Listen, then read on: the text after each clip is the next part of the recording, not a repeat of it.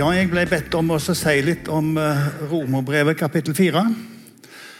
Eh, Nå var jeg eh, forhindra i å være her forrige gang, når Lars gikk gjennom Romerbrevet kapittel 3. Men det som er hovedinnholdet i, romene i Romerne 3, det er jo for det første at Bibelen slår fast at vi mennesker i oss sjøl, vi er fortapt. Det er ikke én som søker Gud, står der. Ingen. Men så står det mot slutten av kapittelet at, eh, at eh, vi blir rettferdiggjort, uforskyldt av nåde, ved forløsningen i Kristus Jesus. Og Det verset der det er veldig flott, fordi at eh, hvis vi leser det på det opprinnelige språket, så forstår vi at det har noe med en gave å gjøre. For det ordet som er oversett med 'uforskyldt', det heter 'dorean' på gresk. Og det betyr altså som en gave. Det er flott. Og Så skal vi gå løs på kapittel fire. Og da skal vi spesielt konsentrere oss om de åtte første versene, og så ta litt videre utover. Skal vi se om vi får teknikken til å virke her.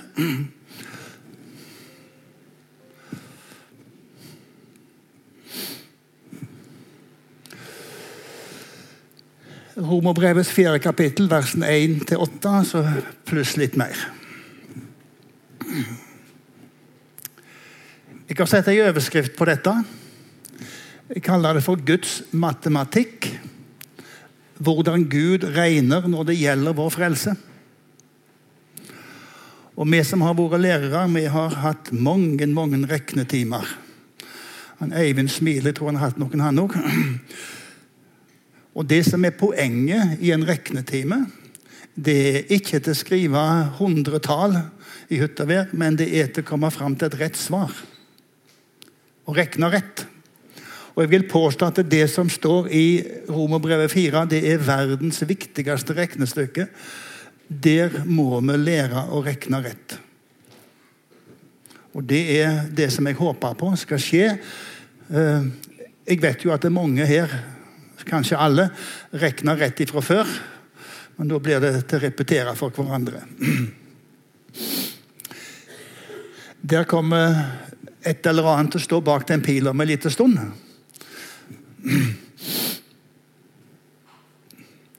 Dette ordet, dette greske ordet der, det er dere nødt til å lære i dag, enten dere vil eller ikke.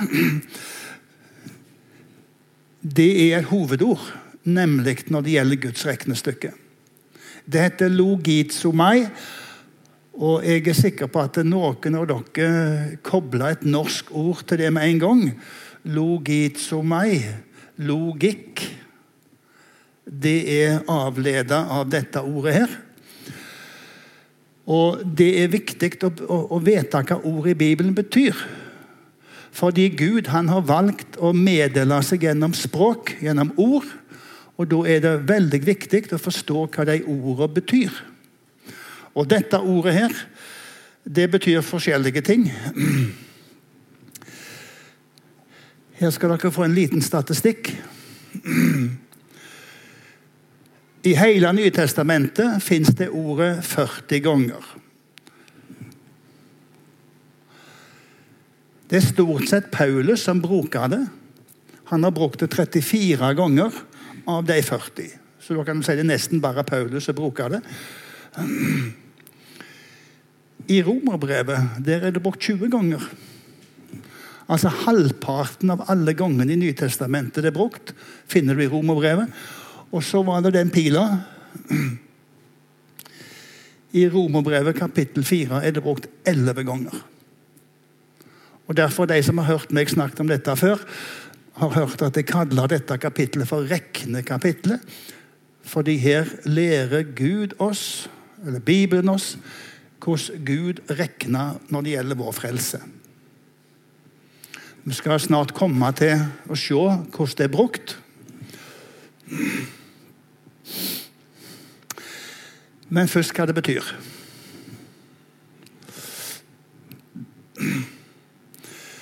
Og Da støtter jeg meg til Bibel, studiebibelen. Den kan være god å ha. Der finner vi betydningen å telle.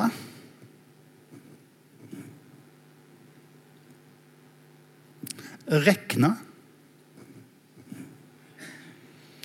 Vurdere. Tenke. Kalkulere. Betydningen av logizomai ligger i disse norske uttrykkene her. Så skal vi gå løs på kapitlet. Paulus starta kapittelet med et spørsmål. Hva skal vi da si at vår far Abraham oppnådde etter kjødet? Vi vet Abraham han står i en særstilling i Bibelen. Han blir kalt for de troendes far. Og Paulus har da i kapittelet før nettopp sagt det at, eh, at vi blir rettferdiggjort uforskyldt av Hans nåde ved forløsningen i Kristus Jesus. Men hva med Abraham? Hva skal vi da si at vår far Abraham oppnådde etter kjødet? Det betyr hva oppnådde Abraham etter uh, sitt naturlige menneske? Og vi vet Abraham han uh, var ingen hvem som helst. Alle her kjenner historien til Abraham, som først fikk et bud ifra Gud om å reise vekk ifra sitt eh, og til et land som han ikke hadde vært i før. En helt fremmede plass. Men Gud sa jeg skal vise deg et land som du og din ett skal få. Så reiste han. Og så husker du Abraham måtte, fikk en, en veldig prøve av Gud. Når Gud sa at du skal gå til Moriaberget og skal du ofre Isak. Bare tenk på det. Tenk litt. Om du fikk, eller jeg fikk, den beskjeden. Nå skal du ofre en av ungene dine. Det hadde sittet langt inne, tror jeg. Abraham var lydig og gikk. Men hva skal vi si at Abraham oppnådde etter sitt naturlige menneske, etter kjødet? Og Bakgrunnen for dette spørsmålet er jo det som er sagt i kapittel 3, at alle mennesker har synda og står uten ære for Gud, og at de blir rettferdiggjort uforskyldt, som jeg siterte. Hva med Abraham? Hvordan ble han frelst?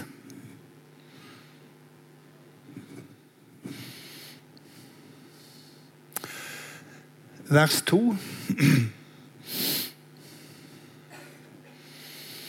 Dersom Abraham blir rettferdiggjort pga. gjerninger, da har han jo noe å rose seg av, sier Paulus. Men det har han ikke for Gud. Tenk det. En mann som Abraham, som gjorde alt det han gjorde, som var lydige til ting som er helt uforståelige. Heller ikke han har noe å rose seg av for Gud. Og da kan iallfall jeg og du glemme at vi har noe å rose oss av. Vi rykker ikke Abraham mer enn til anklene, og knapt nok det. Abraham har ingenting å rose seg av for Gud. Kan du tenke deg? Her er det Paulus som gjør et lite tankeeksperiment. Hvis det var sånn at Abraham ble erklært for å være rettferdig pga. noe han sjøl hadde gjort, da hadde han grunn til å rose seg. Men Paulus slår fast med en gang at heller ikke Abraham har noen ting å rose seg av. Det betyr at eh, jeg og du og Abraham vi blir nullstilte. Ingenting å komme fram for Gud med av oss sjøl.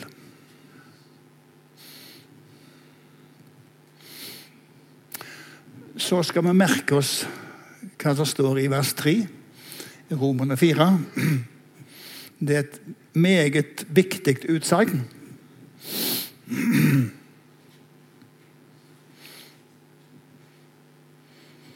Der står det For hva sier Skriften? Abraham trodde Gud, og det ble tilregnet ham som rettferdighet. Det står i eh, første Mosebok, kapittel 15, vers 6.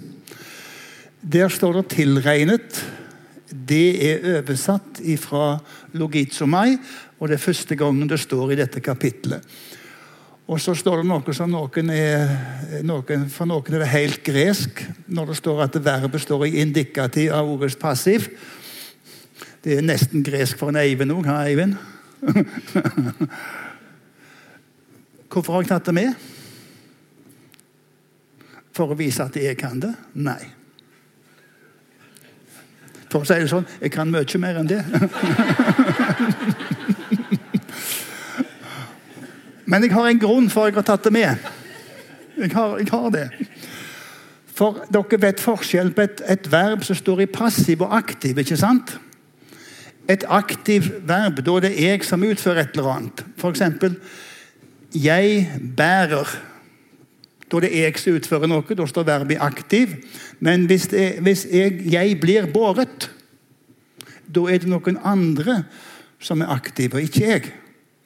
Og Mitt poeng med å ta det med her, det er at når det står at uh, det ble tilregnet ham, det står i passiv, det er ikke Abraham som regna, men det er selvsagt Gud.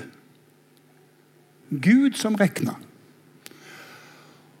Abraham trodde Gud, og det ble tilregnet ham som rettferdighet. En tilregna rettferdighet. Et regnestykke som jeg ikke forstår, det må jeg tilstå. Hvorfor kan Gud regne meg for rettferdig bare fordi jeg tror på Jesus? Det kan være vanskelig nok å forstå, men Bibelen er veldig klar. Sånn er det.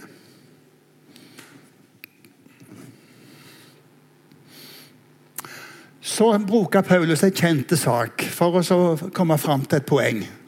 Og han sier Den som har gjerninger, får ikke lønnen av nåde, men som noe han har fortjent. Det prinsippet det forstår alle. Og det er det prinsippet vi eh, bruker i, i, hverdagen. ikke sant? Du jobber én time, så får du ikke lønn for ti timer. Du får lønn for den timen du har jobba. Og Jobber du en måned, så får du en månedslønn. Det har ingenting med nåde å gjøre, men det har med fortjeneste å gjøre. Og det, hvis vi, hvis vi tygger litt på det verset, så ser vi at det er to prinsipper som ligger gjemt i dette verset her. To ulike prinsipper. Det ene er lønn av nåde. Og det andre er lønn som fortjent. Lønn av nåde, lønn som fortjent. Dette er ikke, det, det er ikke det Paulus vil ha fram. Dette her er bare en slags bakgrunn for å forstå neste vers. Dette her er én måte å regne på. Og så kommer neste vers, der vi ser hva Paulus vil fram til. Dette vil Paulus fram til. Romerne 4-5. Den derimot som ikke har gjerninger, men tror på ham som rettferdiggjør den ugudelige, han får sin tro tilregnet, logitsoma igjen, som rettferdighet.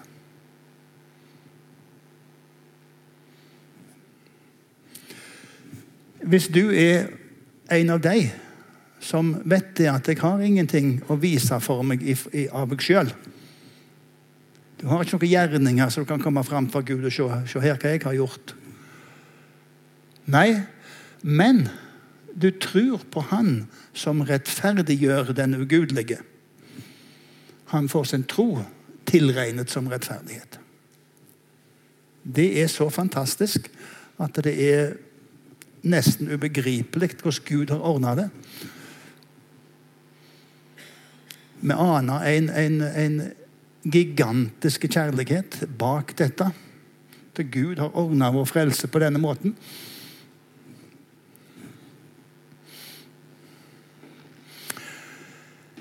Hvem er det som regner? Det er fremdeles Gud. Det er Gud som regner sånn. Derfor så snakker jeg om Guds matematikk, Guds måte å regne på når det gjelder vår frelse.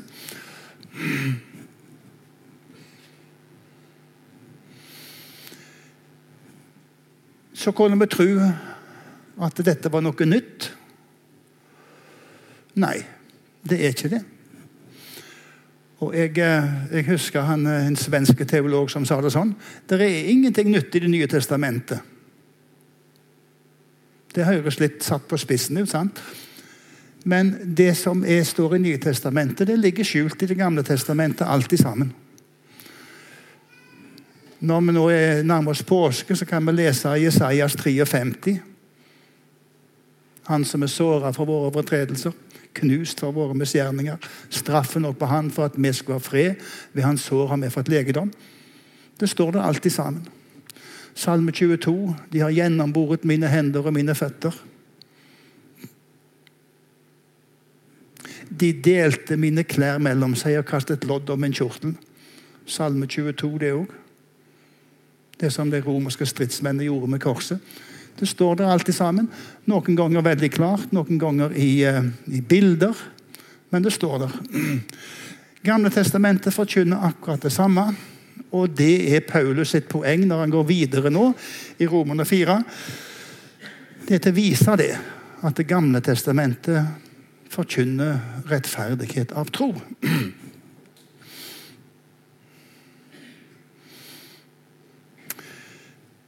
Derfor så henviser Paulus til David, hva han sier i Salme 32.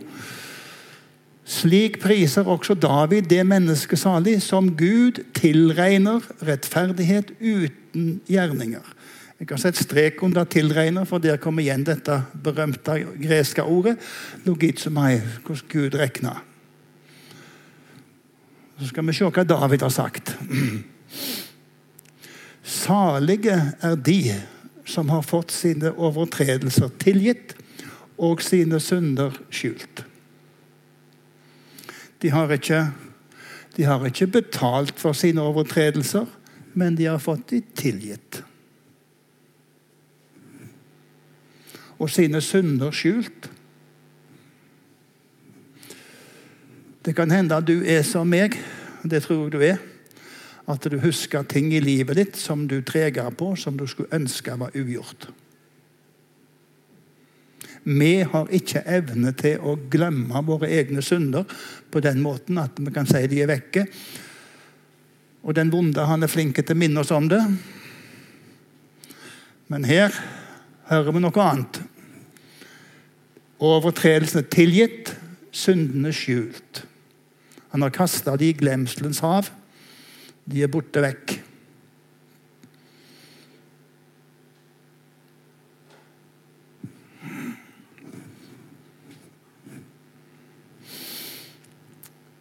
Videre i vers 8 i Romerne 4.: Salig er den mann som Herren ikke tilregner synd. Og Det betyr at Gud regner sånn at noen personer er uten synd. Tror ikke du forstår det, du heller. Men ta nå imot det, da. For det står veldig, veldig klart. Det sånn er det. Og nå har vi hørt og forstått hvem denne personen er, som Gud ikke tilrekna synd. Det er de som tror på Jesus, for å si det så enkelt som mulig. Hvis du tror på Jesus, så regner Gud deg som å være syndfri.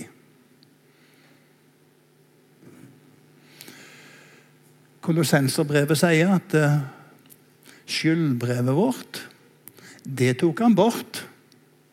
Fjerna det idet han naglet det til korset. Så ditt skyldbrev eksisterer ikke lenger. Ikke på grunn av at du fortjener det. Du har ikke fått lønn som fortjent, men du har fått lønn av nåde.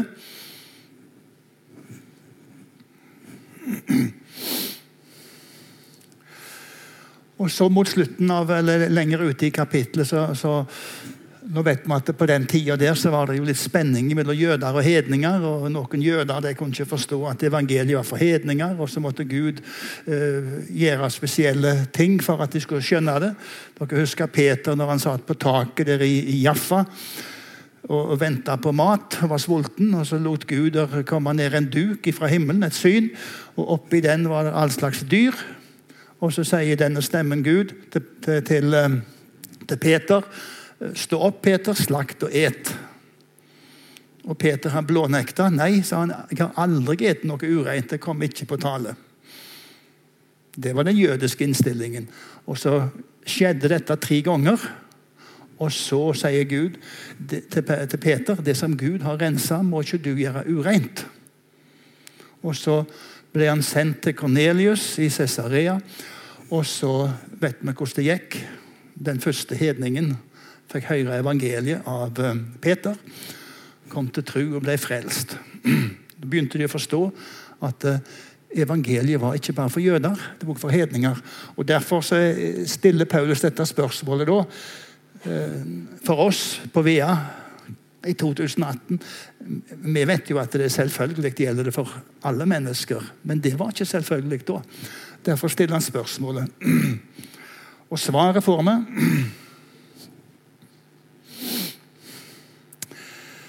Her er spørsmålet gjelder nå denne saligprising de omskårne, dvs. Si jødene, eller gjelder den også de uomskårne? altså hedningene. Vi sier jo at troen ble regnet Abraham til rettferdighet. Igjen dette ordet som, eh, greske ordet som er oversett sånn der.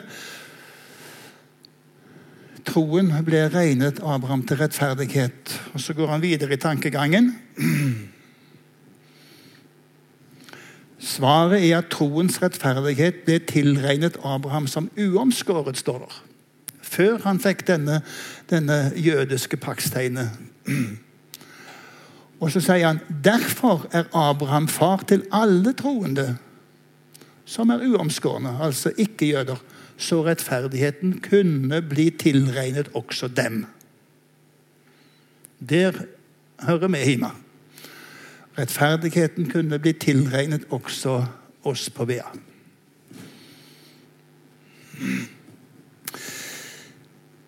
Hvorfor fikk Abraham Guds løfte ved tro?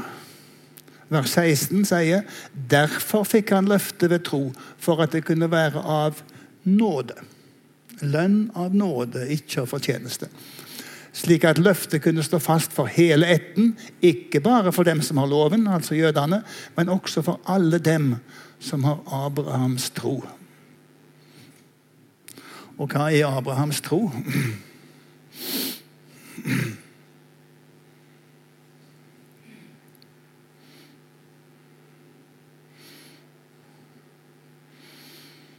Det står om Abraham i vers 21. Han var fullt viss på at det Gud hadde lovt, det var han òg mektig til å gjøre.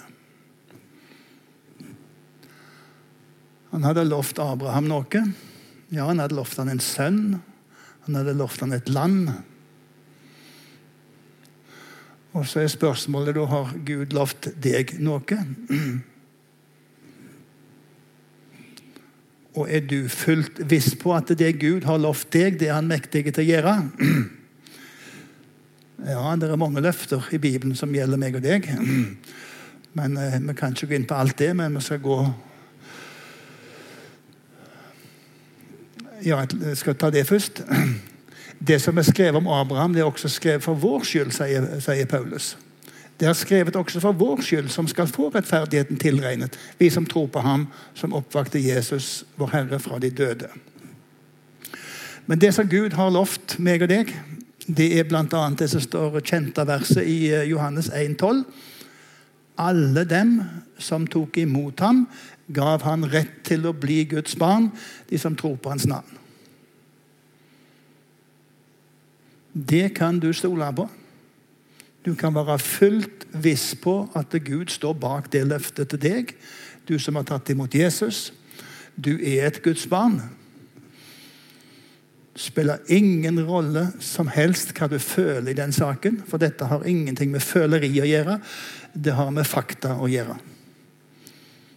Gud har lovt deg at du skal få være hans barn når du tar imot Jesus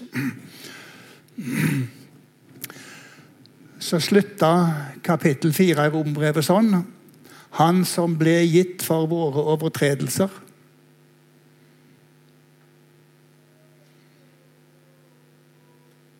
Oppreist til vår rettferdiggjørelse.